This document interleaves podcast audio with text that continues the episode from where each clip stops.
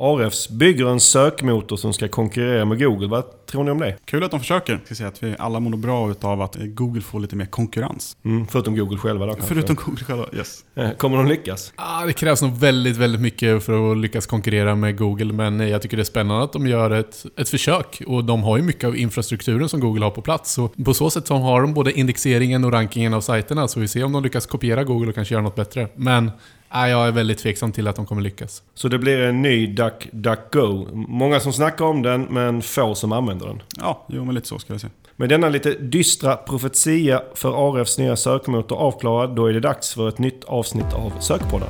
Du lyssnar på Sökpodden. En podcast för dig som gillar Google, SEO och SEM. Sökpodden görs av Pineberry. Varmt välkomna till avsnitt 49 av Sökpodden. Mitt namn är Mikael Wahlgren. Idag har jag nöjet att sitta här med Niklas Krus Hallå hallå! och Pontus Karlsson. Hej hej! Vi har tre ämnen för dagarna, JavaScript och SEO. Uppföljning av SEO-förändringar och så avslutar vi med Facebooks förändring av Relevance Score. Hur är eh, läget med er idag? Det är bra. Bara bra. Eh, eh, tillbaka här från påsken. Lite gladare och lite rundare framförallt. Mm. Eh, vad säger du Pontus, har din påsk varit? Ja, jättebra. Härligt med lite sol och gött väder. Mm. Sen vet jag också Pontus att det, det, det hände en del saker i vår värld under påsken som du tycker är lite extra intressanta. Ja, Google gick ju ut här med att de kommer öppna upp för annonsering inom gambling i Sverige. Det var ju kanske väntat i tanke på regler med regleringen, men det dröjde lite längre tid än vad många kanske förväntade sig. Och det som var speciellt med det här beslutet var just att eh, Google väljer att inte låta affiliates annonsera utan det är bara själva speloperatörerna helt enkelt. Och eh, i och med att det bara blir speloperatörer som Betsson eller Unibet och så vidare och inte då affiliates eh, som det kanske har varit på många andra marknader som i Danmark och UK och så vidare. Så blir det en liten annan typ av marknad och det blir intressant att se hur konkurrenssituationen kommer se ut. Mm. Var, varför tror du Google inte vill tillåta affiliate-sajter eh, som kunder i detta segment? För det, rent krasst tackar de ju ner till pengar, Google då. Ja, speciellt i och med att affiliates är de som kanske syns mest i både Danmark och UK så blir det ju en stor skillnad. Och det, man kan ju bara spekulera i det här. Jag frågade Google rakt ut och de säger att det är Trust and Safety som har bestämt det här och vill inte kommentera mer. Eh, och vill man spekulera lite kan man ju tänka att det kanske finns mer pengar att hämta hos de stora operatörerna än hos affiliates. Affiliates kanske bara skulle synas på söknätverket. Medan, lite som du sa Wahlgren någon gång, att YouTube är svaret på allt. Ja, i det här fallet kanske det handlar om att de vill komma åt de stora YouTube-TV-pengarna eh, från Google-perspektivet här. Mm, intressant spaning. Niklas, hände något eh, spännande på din front under påsken förutom att det var en trevlig ledighet? Eh, jo, men det kom ett nytt, nytt gränssnitt egentligen för Facebook. Det kom, tog oss lite på sängen ska jag säga. Eh, Hur kändes in- det? Eh, spontant väldigt bra. Visuellt så är det mycket nytt att ta in. Eh, funktionsmässigt så ser det ut som att vi behåller alla bra funktioner som fanns tidigare. Eh, en stor förändring för oss är att vi lite lättare kan kopiera eller duplicera adsets kampanjer eh, gentemot tidigare. Vi kan command C, command V eh, numera direkt i gränssnittet. Och det tror jag kommer göra att vi kan jobba lite mer friktionsfritt framöver. Ja, bra, då kan vi summera en, en, en både bra och intressant påsk. Och med det så är det hög tid att vi kör igång dagens första ämne. Idag ska vi börja prata om JavaScript och SEO. Och, eh, jag höll en föreläsning om SEO-trender i Malmö för någon vecka sedan och då sa jag att JavaScript numera är en stor huvudvärk för alla, alla vi som jobbar med SEO. Håller ni med? Ja, men verkligen. Det har blivit en större och större huvudvärk för många. Helt klart. Absolut, och jag ska säga att jag var nere på SMX här för några veckor sedan och det var även där ett väldigt omtalat ämne. Ja, och det är ett väldigt komplext ämne och det har gjort att SEO jämfört med många år, till- jämfört med kanske 10-15 år så har blivit ännu mer tekniskt. Det var tekniskt från början kanske, men det har blivit ännu mer tekniskt på något sätt. Mm, verkligen. Och vi, vi kommer kanske inte djupdyka idag för djupt ner på det tekniska kring just JavaScript, för där är vi liksom verkligen ute på djupt vatten. Utan vi håller oss till JavaScript från en SEO-perspektiv. Och, eh, vi kan väl redan säga här att vi kan väl be om ursäkt till alla som jobbar med JavaScript som systemutvecklare att vi kanske använder, i, alla fall jag kanske säger vissa saker lite konstigt, men jag ser det från ett SEO-perspektiv här. Ja, precis. Verkligen. Och Pontus, innan jag skulle hålla den här föreläsningen i Malmö så visade du mig en, en väldigt bra och intressant graf som jag använde. Och det är ju på hur användandet av JavaScript ökar ganska radikalt, eller ganska liksom, eh, för, från år till år. Ja, men precis. Och jag, hittade, jag fick den här, eller delade den här grafen på LinkedIn eller någonstans jag hittade den och jag tyckte det var så intressant för vi upplever upplever själva att det är väldigt stor ökning i mängden sajter som kommer in och är JavaScript-baserade. Och någonstans får det verifierat att någon har mätt att den här ökningen verkligen sker. Och min teori mycket bygger på att det är väldigt många utvecklare som gillar att bygga i de här JavaScript-baserade frameworksen och det, det hör man väldigt många prata om också och därför så blir det en så kraftig utveckling av just den här typen av tekniker för att just utvecklarna gärna vill bygga här i. För att det är tacksamt. Och vill man göra lite, kalla det häftigare saker eh, för användaren så är det oftast, då får man förlita sig på JavaScript. Så det på något sätt är det ju, man kanske inte är jätteförvånad över att det är en sån här utveckling men det är ju intressant att konstatera att andelen JavaScript ökar och det rimmar ju med att vi upplever det som en större och större huvudvärk. Ja, precis. Hur stort problem är JavaScript och SEO skulle du säga? Nej, men jag tror det beror väldigt mycket på vem du frågar faktiskt. För att Google har ju haft en syn väldigt länge om att de vill verkligen kunna bygga en bot som de har utvecklat under ett tag nu som ska klara av att rendera all JavaScript. Historiskt sett hade de jättestora problem. Nu har de mycket mindre problem.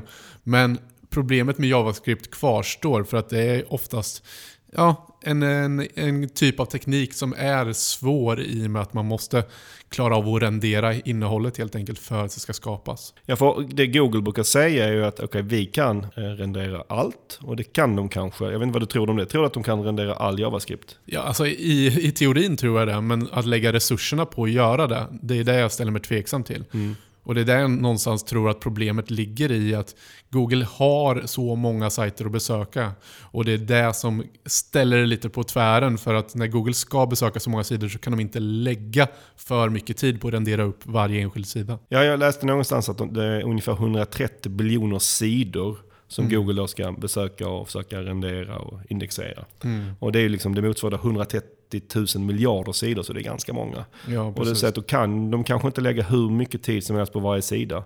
Och det är väl kanske där som det stora problemet blir att tar det för lång tid att rendera en sida för Google, ja då blir det problem.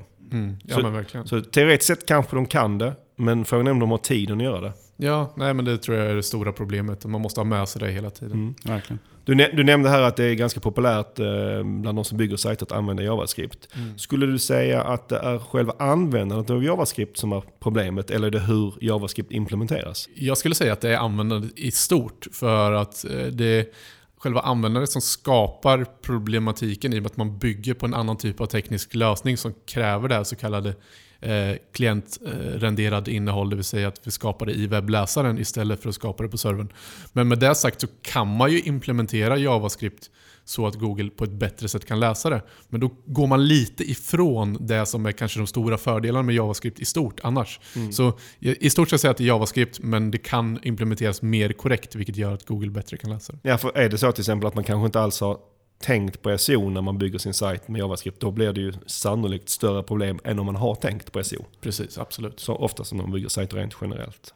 Vilka, om vi skulle eh, lista några av de vanliga problemen som uppstår, kan uppstå då SEO-mässigt om man använder sig av JavaScript, vad, vad, vad, vad pratar vi då om? Ja, men vi har lite varit inne på en av de här innan och det är ju just det här med renderingen, det vill säga att det är oftast väldigt, väldigt stora filer, de här JavaScript-biblioteken eller JavaScript-filerna som ska från den här koden i JavaScript helt enkelt skapa upp en HTML-mall, den ska skapa upp bilder, innehåll, allting som gör att det kan visualiseras. Och det är där någonstans problemet kanske skapas eh, i och med att det tar en viss mängd laddningstid för att skapa upp den här typen av innehåll. Och väljer då Google att inte besöka det under den här, eller så länge som det tar att ladda den så kommer det bli blankt. Eh, och då innebär det ju kanske att innehåll som titlar och meta-descriptions eller huvudrubriker inte syns. Och det vet vi ju alla sen, som vi pratade om här tidigare, att de här viktiga elementen måste ju Google verkligen ha för att kunna ranka upp en sida. Och lyckas de då inte rendera ut det viktigaste innehållet på sajten, eller egentligen allt innehåll som Google behöver läsa, då blir det ju stor, en stor problematik helt enkelt. Sen, sen, vet jag en sak som vi ser ibland också, att det, man, när man använder JavaScript så är det inte alltid att man då skriver ut riktiga länkar. Nej, precis. Det, ju, det, finns ju inom, eh, liksom, jag är ingen specialist på JavaScript så jag ska inte uttala mig, men det finns ju så kallade on-click-event som många är bekväma med att känna till. Och istället för att använda då den här typen av teknik där man kanske har ett visst element som man gör till en länk, så kanske man egentligen borde skriva ut den som en gammal klassisk AHRF-länk. Men om man inte gör det så kan inte Google följa de här länkarna. Det vill säga, Google kan inte följa element som inte är en klassisk länk. Det gör ju att mobilmenyer oftast har en problematik med den här typen av eh, JavaScript-baserade eh, menyer. I och med att i, man, i en hamburgermeny så vill man väldigt ofta kanske klicka ner i många olika steg. Man kanske inte vill att sidan ska laddas mellan varje gång. Och då väljer man i många lägen att bara lägga JavaScript click-events för att ta sig ner i menyn.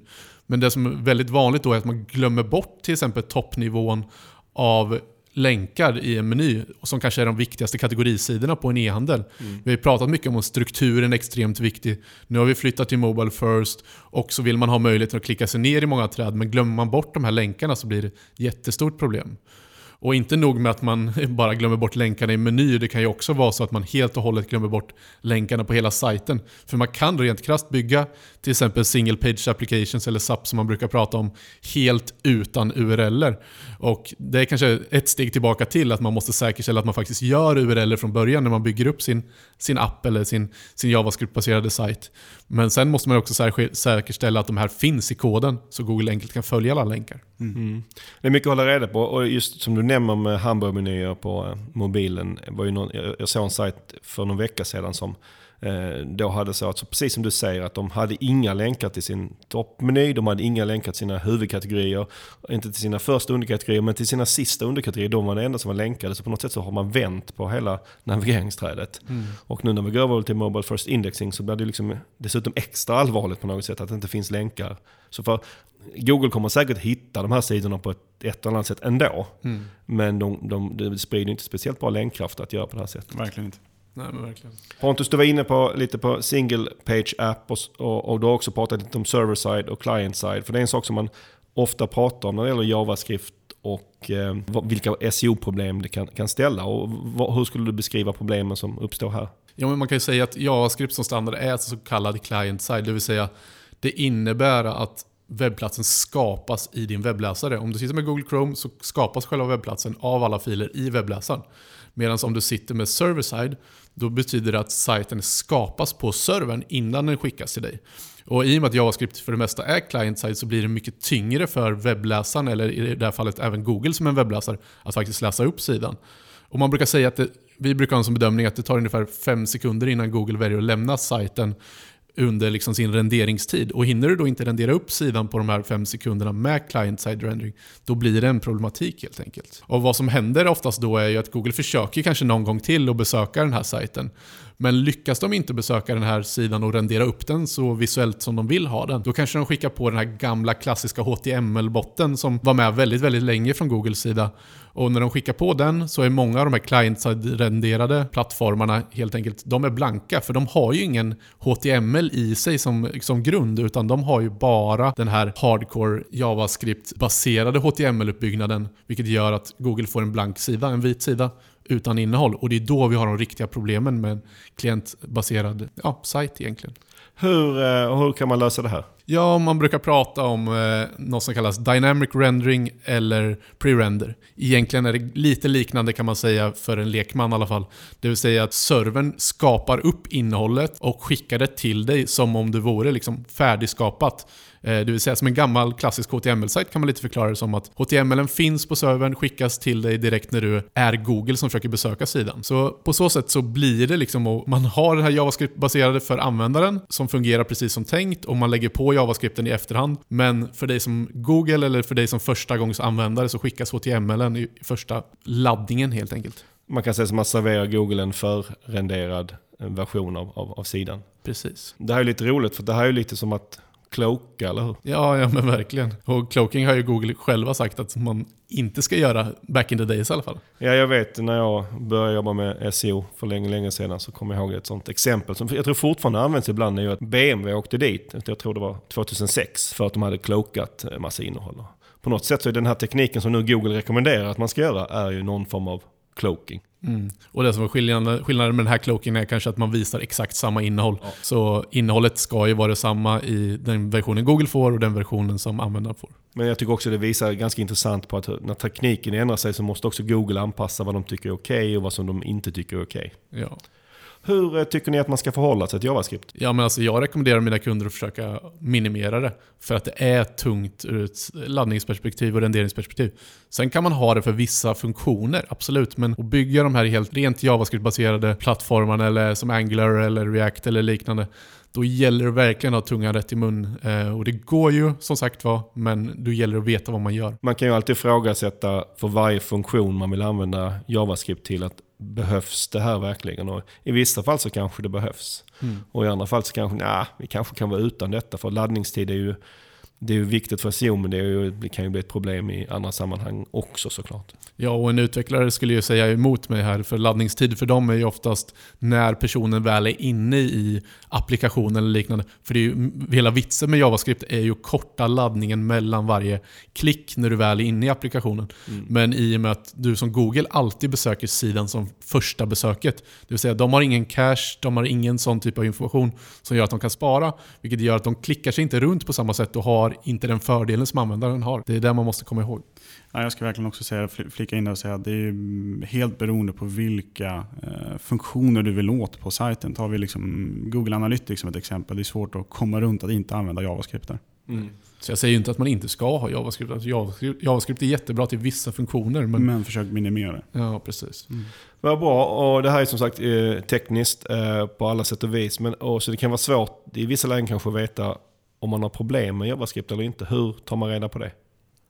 Ja, ja, men det viktigaste är ju någonstans att säkerställa att den här renderingen sker korrekt. Det vill säga att Google faktiskt kan visuellt se innehållet. Det svåra är ju att du kan ju aldrig själv som användare se det precis som Google. Det, det är lite lurigt på så sätt. Så vi rekommenderar att man använder verktyg som Google Search Console med hjälp av Inspect Tool till exempel och testar sidan live och gör det i olika varianter och olika sidtyper. Man kan också använda Mobile Friendly Tool om man inte har tillgång till det. De ger lite olika typer av versioner så det gäller inte att förlita sig rakt av på en eller den andra heller. Men det är sådana typer av verktyg jag skulle använda mig av. Och sen gärna Screaming Frog och bara rendera upp sidan också såklart. Och sen kan man ju alltid som jag, i alla fall jag, jag gillar ju manuella saker. Man kan ju såklart, det innehållet man förväntar sig ska vara indexerat på Google. Du kan ju manuellt googla på det. För är det så att du inte hittar det så har du ett problem. Ja, Eh, absolut. behöver inte bero på JavaScript, men det skulle kunna vara att JavaScript är tjuven Mm. som gör att just det här innehållet inte syns. Vad bra, innan vi avslutar eh, ämnet om JavaScript och SEO så tänkte vi, eh, jag vill rekommendera lite fler resurser som man kan, om man vill läsa på mer om det här. Det, kom, det kommer som sagt, som, både som ni säger, att det snackas ganska mycket om det just nu. Bland annat har Google själva släppt nio stycken ganska korta videoavsnitt på deras webbmasterkanal på YouTube. Det är Martin Splitt från Google som gör dessa. Jag tycker själv det är, de är väldigt bra. Vad, vad säger ni? Ja, jag, med. jag delar de här internt för jag tyckte de var pedagogiska, grundläggande och ja, men jag gillar någonstans att Google äntligen går ut och tar en take på att man måste göra vissa åtgärder för att det ska fungera bra med deras scraper eller deras bot. Och vissa av avsnitten här är, rel- jag ska inte säga att de är enkla, det är de inte, men de är hyfsat basic. Medan vissa är supertekniska. Ja, Eh, det beror på på vilken nivå. vad man vill ha det liksom.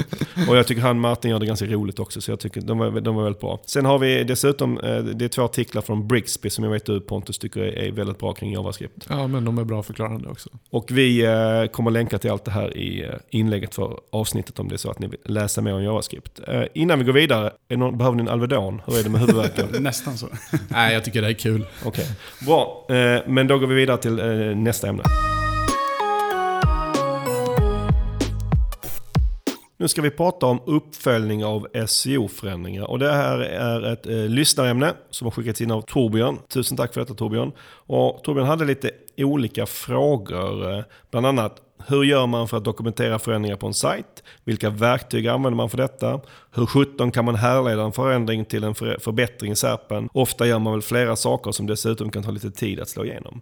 Det är jättebra frågor som Torbjörn har här och som vi ska försöka besvara i det här ämnet. Om vi börjar med den, den första delen av hans frågor som egentligen kanske borde vara på pappret var enkel. Och det handlar om då att dokumentera sina förändringar. Och då, vi kan börja med att prata om att vi ska dokumentera förändringar som man själv gör på sajten. Till exempel att man lägger till nya sidor eller man byter CMS eller man kanske, jag vet inte, fräschar upp sina eh, titlar eller slänger in massa JavaScript kanske. Hur, hur säger ni, skulle man göra, gör man det här på bästa sätt? Ja, jag tycker det, finns inget bra sätt för att, eller det finns väldigt många olika bra sätt. Det finns inte ett bra sätt. Nej. Och man kan göra det i ett Excel-ark, eller, men gärna någonstans där alla på företaget kan komma åt det. Så jag skulle kanske rekommendera ett Google Drive eller någonting som vi gärna använder med en, någon form av, det vill säga vad vi har gjort för stora åtgärder för SEO. Jag gillar det Pontus är inne på med Google Drive, att man kan ha det liksom öppet för alla. Mm. Samtidigt så gillar jag att få in datan i Google Analytics. Eh, och det är jättetacksamt när man tar över kunder som faktiskt har jobbat aktivt med att kommentera i Google Analytics. Det blir mm. väldigt tacksamt när man följer graferna där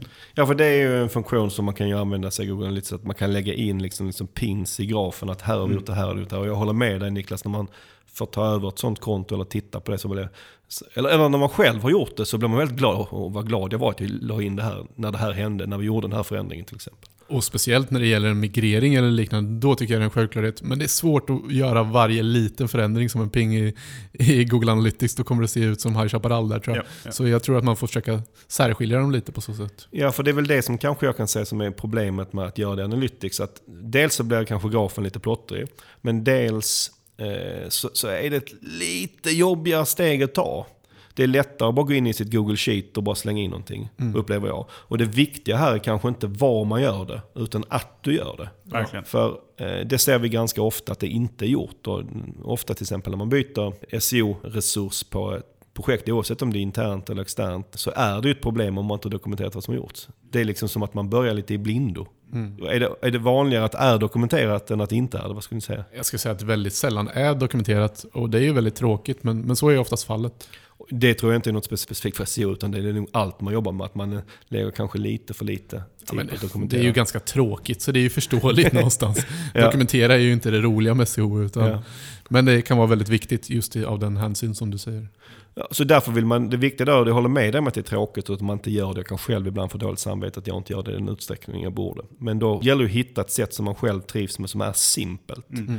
Eh, till exempel att man, man gör det i Google Sheet, man kanske har ett, ett bokmärke direkt i webbläsaren så man snabbt kan komma in i, det, just det arket och bara lägga in förändringarna man gör. Om man glömmer det, liksom att man får någon form av rutin på det, att, att, att de kommer in. Ja. Och som eh, ni var inne på lite grann tidigare, och vissa åtgärder är ju viktiga viktigare att dokumentera. Så sätt att de ger eh, potentiellt kan ge större effekt. Så att jag ska också säga att mm, gör du en större förändring, se till att du verkligen dokumenterar ja. dem. Så att säga. Men för ofta, för ofta är det så när man SEO att man bestämmer sig, nu vill jag testa en ny sak. Säg att du vill göra om dina titlar lite. Mm. Och då vet vi att det kan få en viss effekt. Du förväntar dig ju nästan att få en effekt, annars mm. hade du inte velat testa det. Nej, såklart. Och då är det ju ändå en sak som du vill dokumentera för att du vill titta, försöka lista ut liksom om det har gett någon effekt eller inte. Det var ju mer så interna förändringar man gör om man själv ändrar saker på sajten. Men sen finns det också externa faktorer som påverkar hur man rankar. Och då tänker jag främst på algoritmuppdateringen från Google mm. som sker tid eh, till annan. Och de kan man också dokumentera på exakt samma sätt. Att man lägger in dem i ett ark eller hur man nu vill dokumentera. Men här eh, finns det också andra resurser. Jag vet att du gillar Moss gamla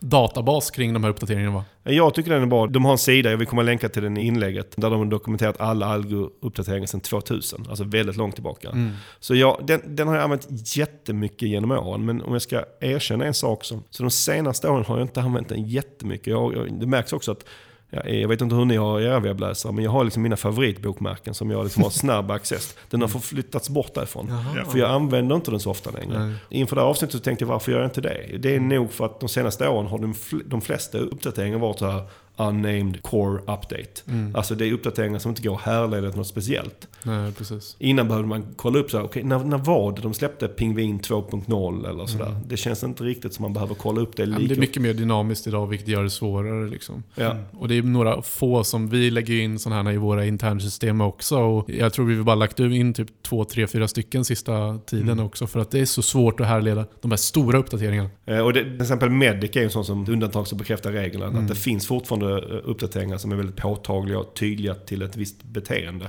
Mm. Medan de flesta liksom flyter bara förbi. Mm. Men den här listan, så jag tycker inte man kanske behöver dokumentera det här själv. Utan den listan funkar för mig. Då slipper ja. man göra det i alla fall.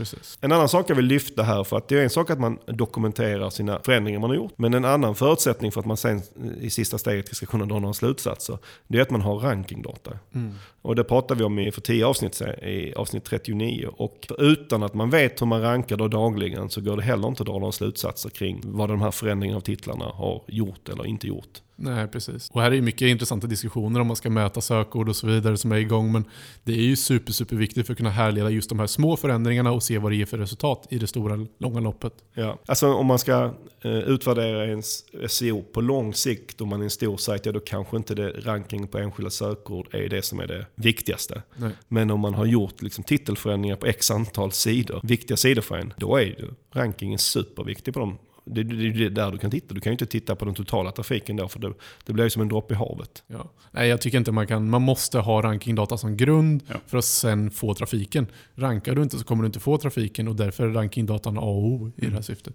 Och det är tämligen enkelt att få in rankingdata idag ska vi säga. Så det är ingen aktivitet du behöver lägga sig jättemycket tid på. ärlig. lite, lite pengar. Ja. Om, men om vi nu har dokumenterat våra förändringar och vi har rankingdata, då återstår kanske den, den sista delen av Torbjörns fråga. Och, och det kanske är den eh, lite lurigare av dem. Och det är liksom hur går det att härleda en förbättring eller en försämring i SERPen till en viss förändring? Hur gör man då? Vi kan bara ta ett extremt exempel som jag funderade fram här innan. Säg att du är en svensk e-handlare. Du har precis bytt plattform samtidigt som Google släppte en stor uppdatering. Och som lök på laxen lanserar Amazon samtidigt sin e-handel i Sverige. Om du då i denna veva tappar ranking på Google, hur ska du då lista ut vad det beror på? Ja, det är ju super, super svårt. För du vet ju inte vilken av de här olika aspekterna som har varit den stora påverkan helt enkelt. Vad skulle du säga Krus? Jag ska säga det första, om vi börjar med att man har bytt plattform. Det bästa tipset där är att kanske kolla lite grann på konkurrenterna. Eh, Har de tappat i ranking eller står de kvar? Eller hur, hur ser det ut där egentligen? Tittar man på Google att de släpper en stor uppdatering, ja, då kan man kolla lite mer generellt och försöka aggregera lite data på andra konkurrenter, andra e-handlare. När det kommer in en ny aktör, då brukar man ju oftast se att de slår in sig på specifika positioner. Så det är ingenting som påverkar stora söket i helhet. Skulle det vara anledningen så tror jag att du kan tämligen enkelt härleda att just det som har påverkat dig. Ja, men jag håller med dig Krus. Jag skulle nog börja i plattformen i det här läget. För det är din egna förändring som du har gjort som är enklast att påverka. Eh, Så man börjar där och sen så ser man, eh, om det inte är det så skulle jag titta på algoritmuppdateringen och försöka läsa in mig på vad har hänt kring den och vad är det som har påverkat där.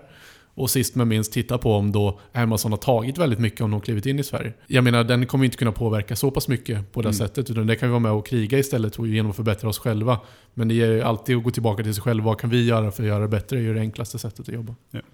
Och det, det blir lite som att lägga ett pussel oftast, ett Oh ja. detektivarbete. Så nu är det här kanske ett extremt exempel. Det är såklart att det inte är kul att tappa i ranking som i det här exemplet. Men att göra det här detektivarbetet är ju ganska kul, eller hur? Det är ju en ganska rolig del av SEO. Ja, absolut. Det är ju nästan uteslutande det roligaste ska jag säga. Eh, Jag tror det finns fler där ute, framförallt de som lyssnar på podden, eh, som tycker likadant. Ja. Och det allra roligaste är ju när man har tagit extra mycket, Ja. inte när man tappat. Men, men lägger, skulle du lägga lika mycket, mycket detektivarbete på det då? Ja, eller man gör ju inte det, men man borde göra det. För Ja. det är då man har knäckt nöten på. Ja. varför man rankar bättre. Men det är väl en generell sak som jag upplever som inte bara har med SEO att göra. Att man lägger för mycket fokus på den saker man gör fel eller som blir dåligt. Mm. Men det är kanske bättre att lägga fokus på de sakerna som verkligen går bra. För att Mm. om du hittat någonting som du har gjort, någon förändring du gör som du kan, ja men det här har verkligen gett resultat. Mm. Ja men gör den. Försök göra den tio gånger om liksom. Ja, ja, men precis. Om det går. Jag håller med dig fullt ut. Vi har en hel del utbildningar, eller jag håller en hel del utbildningar. Då brukar vi slänga upp annonser så får deltagarna berätta vad de tycker är bra och dåligt med den här annonsen. Nio av tio gånger så får man höra saker och ting som är dåligt med den här annonsen. Det är väldigt sällan man faktiskt kollar på vad är det som är bra och hur kan jag ta med mig det som faktiskt är bra. Här. Ja, det är väl en bra takeaway för alla att man ska kanske lägga lika mycket analystid på saker som går bra som, som saker som går dåligt. Det är sällan, det är, nu fastnar vi lite i det här, men det är sällan någon ringer till oss och säger ah, det har gått så bra i Serpen de senaste två månaderna, kan ni lista ut varför? Eller hur?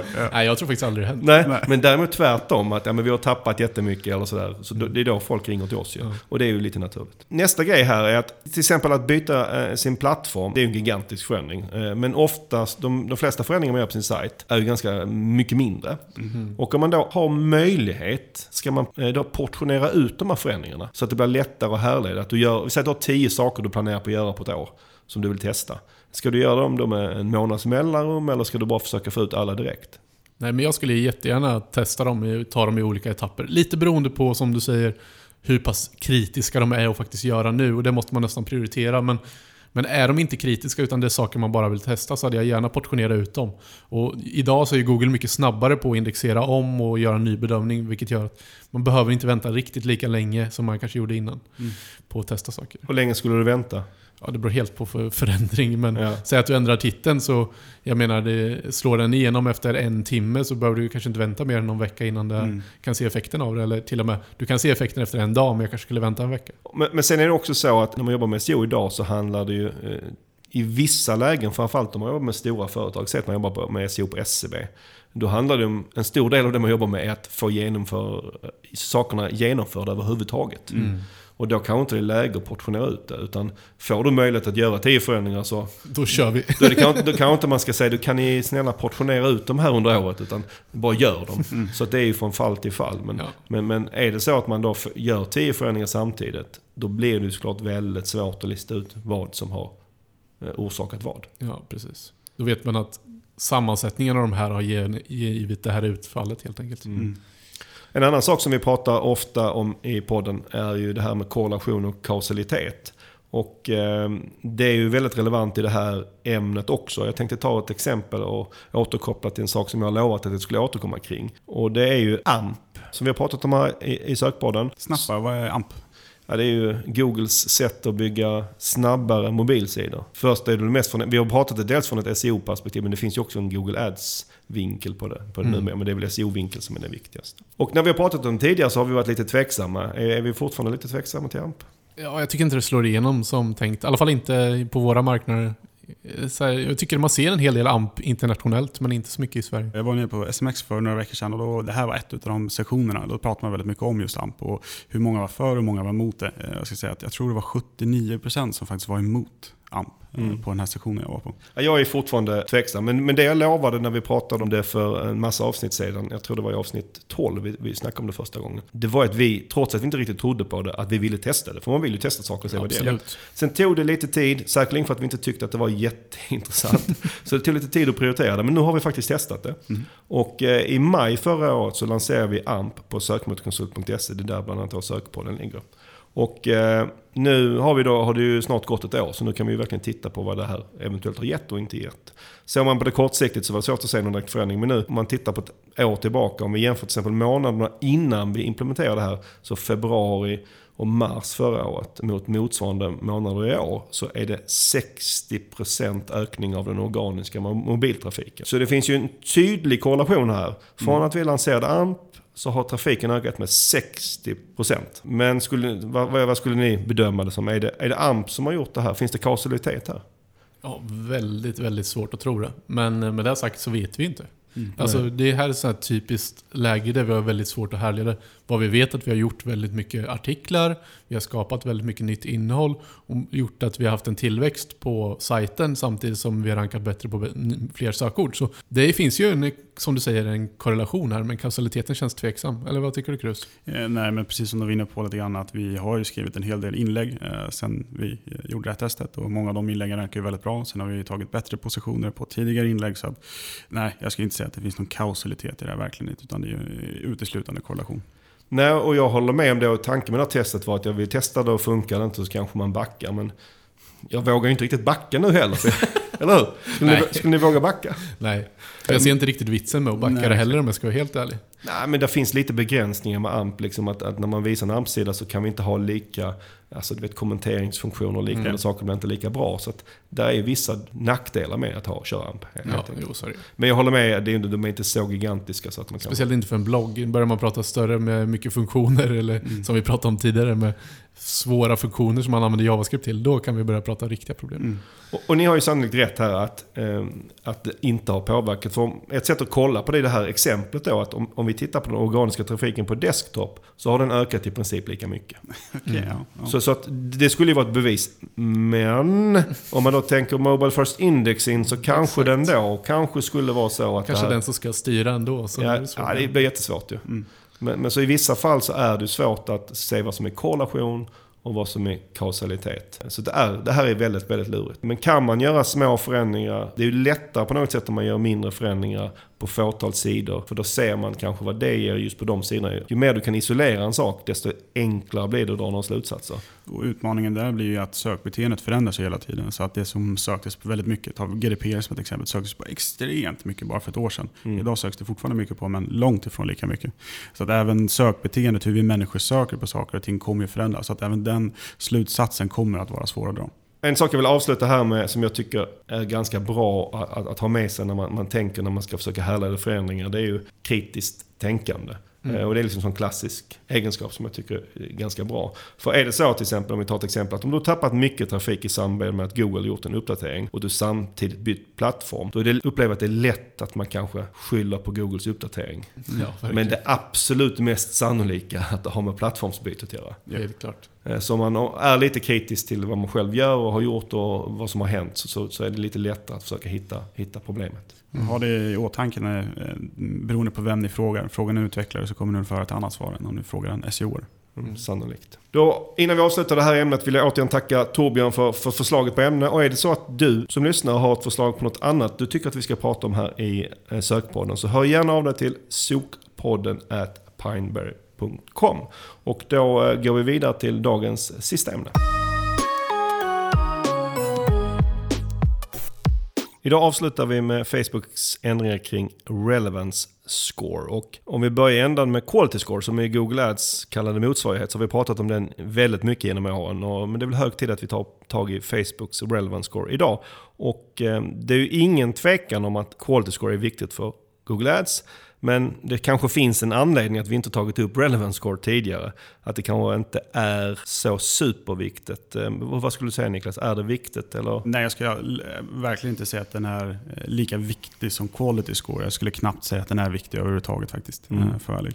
Men nu, anledningen till att vi tar upp det nu att det har skett en förändring. Så känner du att det kanske bli, kommer bli viktigare? Absolut, jag tror den här förändringen som kommer genomföras kommer skänka oss en större transparens i hur, faktiskt, hur väl våra annonser faktiskt presterar. Vad är det som Facebook ändrar nu? Eh, Relevance score har tidigare bestått av flera faktorer, eh, men vad man har gjort nu är att man har brutit upp de här så vi kan se den separat. eh, Mm. Tre olika faktorer. Eh, krasst kan man säga att det är kvalitetsrankning. Eh, Man tittar på ranking av interaktionsfrekvens och man tittar på ranking av konverteringsfrekvens. Och man plockar också bort relevance score som begrepp. Korrekt.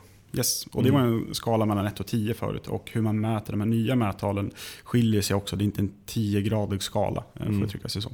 Vi ska väl kanske också säga att den här förändringen sker den 30 april. Så att det har inte Japp. hänt ännu. Så att vi vet ju inte praktiskt riktigt hur det kommer att funka. För er som har det nya gränssnittet så finns det faktiskt att filtrera fram de här nyckeltalen. Jag tror dock att ni inte får någon data på dem än. Kan man se de här tre komponenterna till motsvarigheten som finns inom, inom Quality Score? Det vill säga målsidans upplevelse, annonsens relevans och CTR. Ja, nej, delvis eh, ska jag säga. Eh, till att börja med så tar ju Facebook bort relevance score. Så det kommer inte finnas en aggregerad eh, summa eller en aggregerat mm. mättal för det. Sen vill jag också vara jättetydlig med att jämför vi relevance score och quality score så har RS absolut ingen betydelse på själva, i själva annonsaktionen. Så du drar inte samma fördelar som att ha ett bra QS på Google Ads till exempel. Okej, så relevance score påverkar då inte aktionen som quality score gör på samma sätt. Men vad, vad påverkar relevance score då? Eller de här tre nya mätetalen? Eh, De påverkar ingenting. Däremot så är det ett bra mm, en måttstock eller ett bra nyckeltal för att få reda på hur, du, hur din, dina resultat ställer sig mot de som konkurrerar om samma målgrupp. Krasst Mm. kan man säga. Så mer form av en benchmark som visar på hur, hur väl du annonserar helt Ja, enkelt. det skulle jag verkligen säga. Varför gör de den här förändringen, Facebook, att gå från ett eh, mättal till tre olika? Eh, jättebra fråga. Har inget så tydligt svar. I mångt och mycket så har ju Facebook valt den linjen att bli betydligt mer transparent. eh, Både vad gäller sig kommunikation men också vad som händer inom deras annonsverktyg. Så jag tror det här i mångt och mycket är ett rop från annonsörerna att de vill ha större transparens helt enkelt. Om vi, vi kan snabbt gå igenom de här olika tre. Vi Mm. börjar med kvalitetsranking. Vad, vad menar de med det? Krasst kan man säga hur pass bra kvalitet din annons har gentemot de som konkurrerar om samma målgrupp. Och då tittar man på till exempel folk som likar den här annonsen eller reagerar på den här annonsen. Eh, Man tittar på de som döljer eh, den här annonsen. Man gör också en form av bedömning. Är det här ett clickbait eller interaktionsbait eller försöker man baita det här beteendet? Eh, Mm.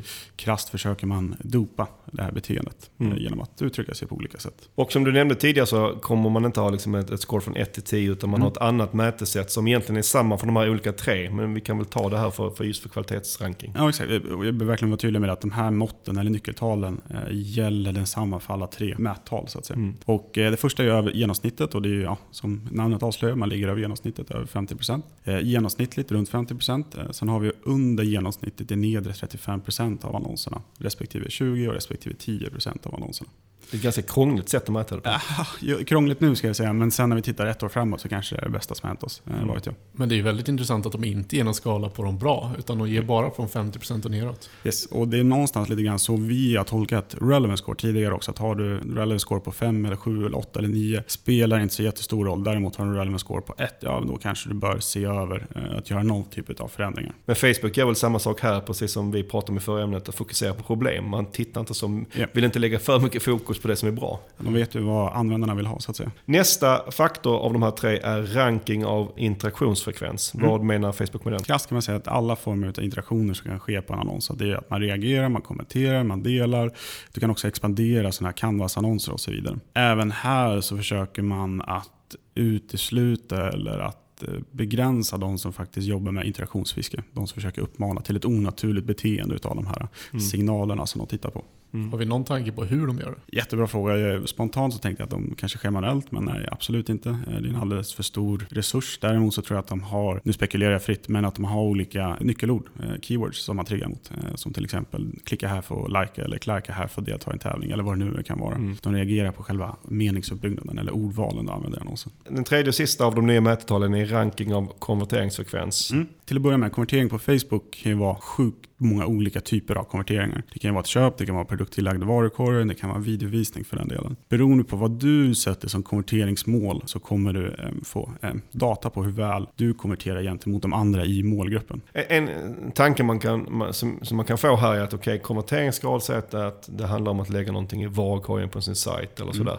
Det är ju ganska lätt att manipulera. Eh, absolut. Alltså att bara se till att man får jättehöga värden där. Absolut. Väldigt enkelt ska jag säga kan man manip- manipulera det. Det man ska ta med sig då är att QS på Google Ads, där får du faktiskt en fördel i auktionen. Här någonstans så förstör du för dig själv för du kommer få en sämre benchmark genom att Mm. försöka manipulera. Du får ingen fördel rent auktionsmässigt så att säga. Nej, i och med att det här då kanske inte har en direkt effekt utan bara i bästa fall någon form av indirekt, att det visar på saker som kanske spelar roll för dig. Absolut. Så, Och- så sabbar du din benchmark genom att, om du skulle manipulera det. Ja, och ett tydligt exempel varför Facebook inte kan göra det, det är ju om man säljer, Facebook hade som exempel, att säljer du smycken till exempel så är oftast köpprocessen lite längre och du köper oftast inte flera smycken. Eh, Så du kommer förmodligen få en lägre conversion rate eh, när du säljer den typen av varor. För att jämföra med förbrukningsvaror som till exempel mat eller parfym eller shampoo eller vad det nu kan vara, där du i regel konverterar lite snabbare och lite oftare. Så bara där så är du som säljer de här lite dyrare produkterna, även de med lite längre köpprocesser, du går ju direkt ut som en förlorare. Om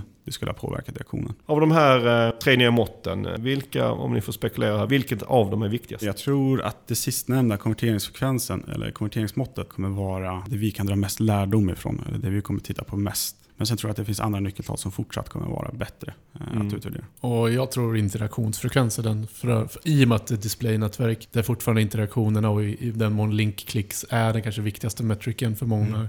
så tror jag att det är den som kommer vara mest intressant att följa här. Men vi får se. Verkligen. Spännande. Eh, med det så avslutar vi snacket om Facebooks förändring av Relevance Score och det är dags att avrunda dagens avsnitt. Tusen tack för att du lyssnat på vårt 49 avsnitt av Sökpodden. Nästa gång blir det avsnitt 50, lite av ett jubileum, det blir kul. Eh, Som alltid, har du synpunkter på dagens avsnitt, ris som ros, hör av dig på sokpodden pineberry.com. Ha det gott tills nästa gång vi hörs. Tack och bock! Hej då!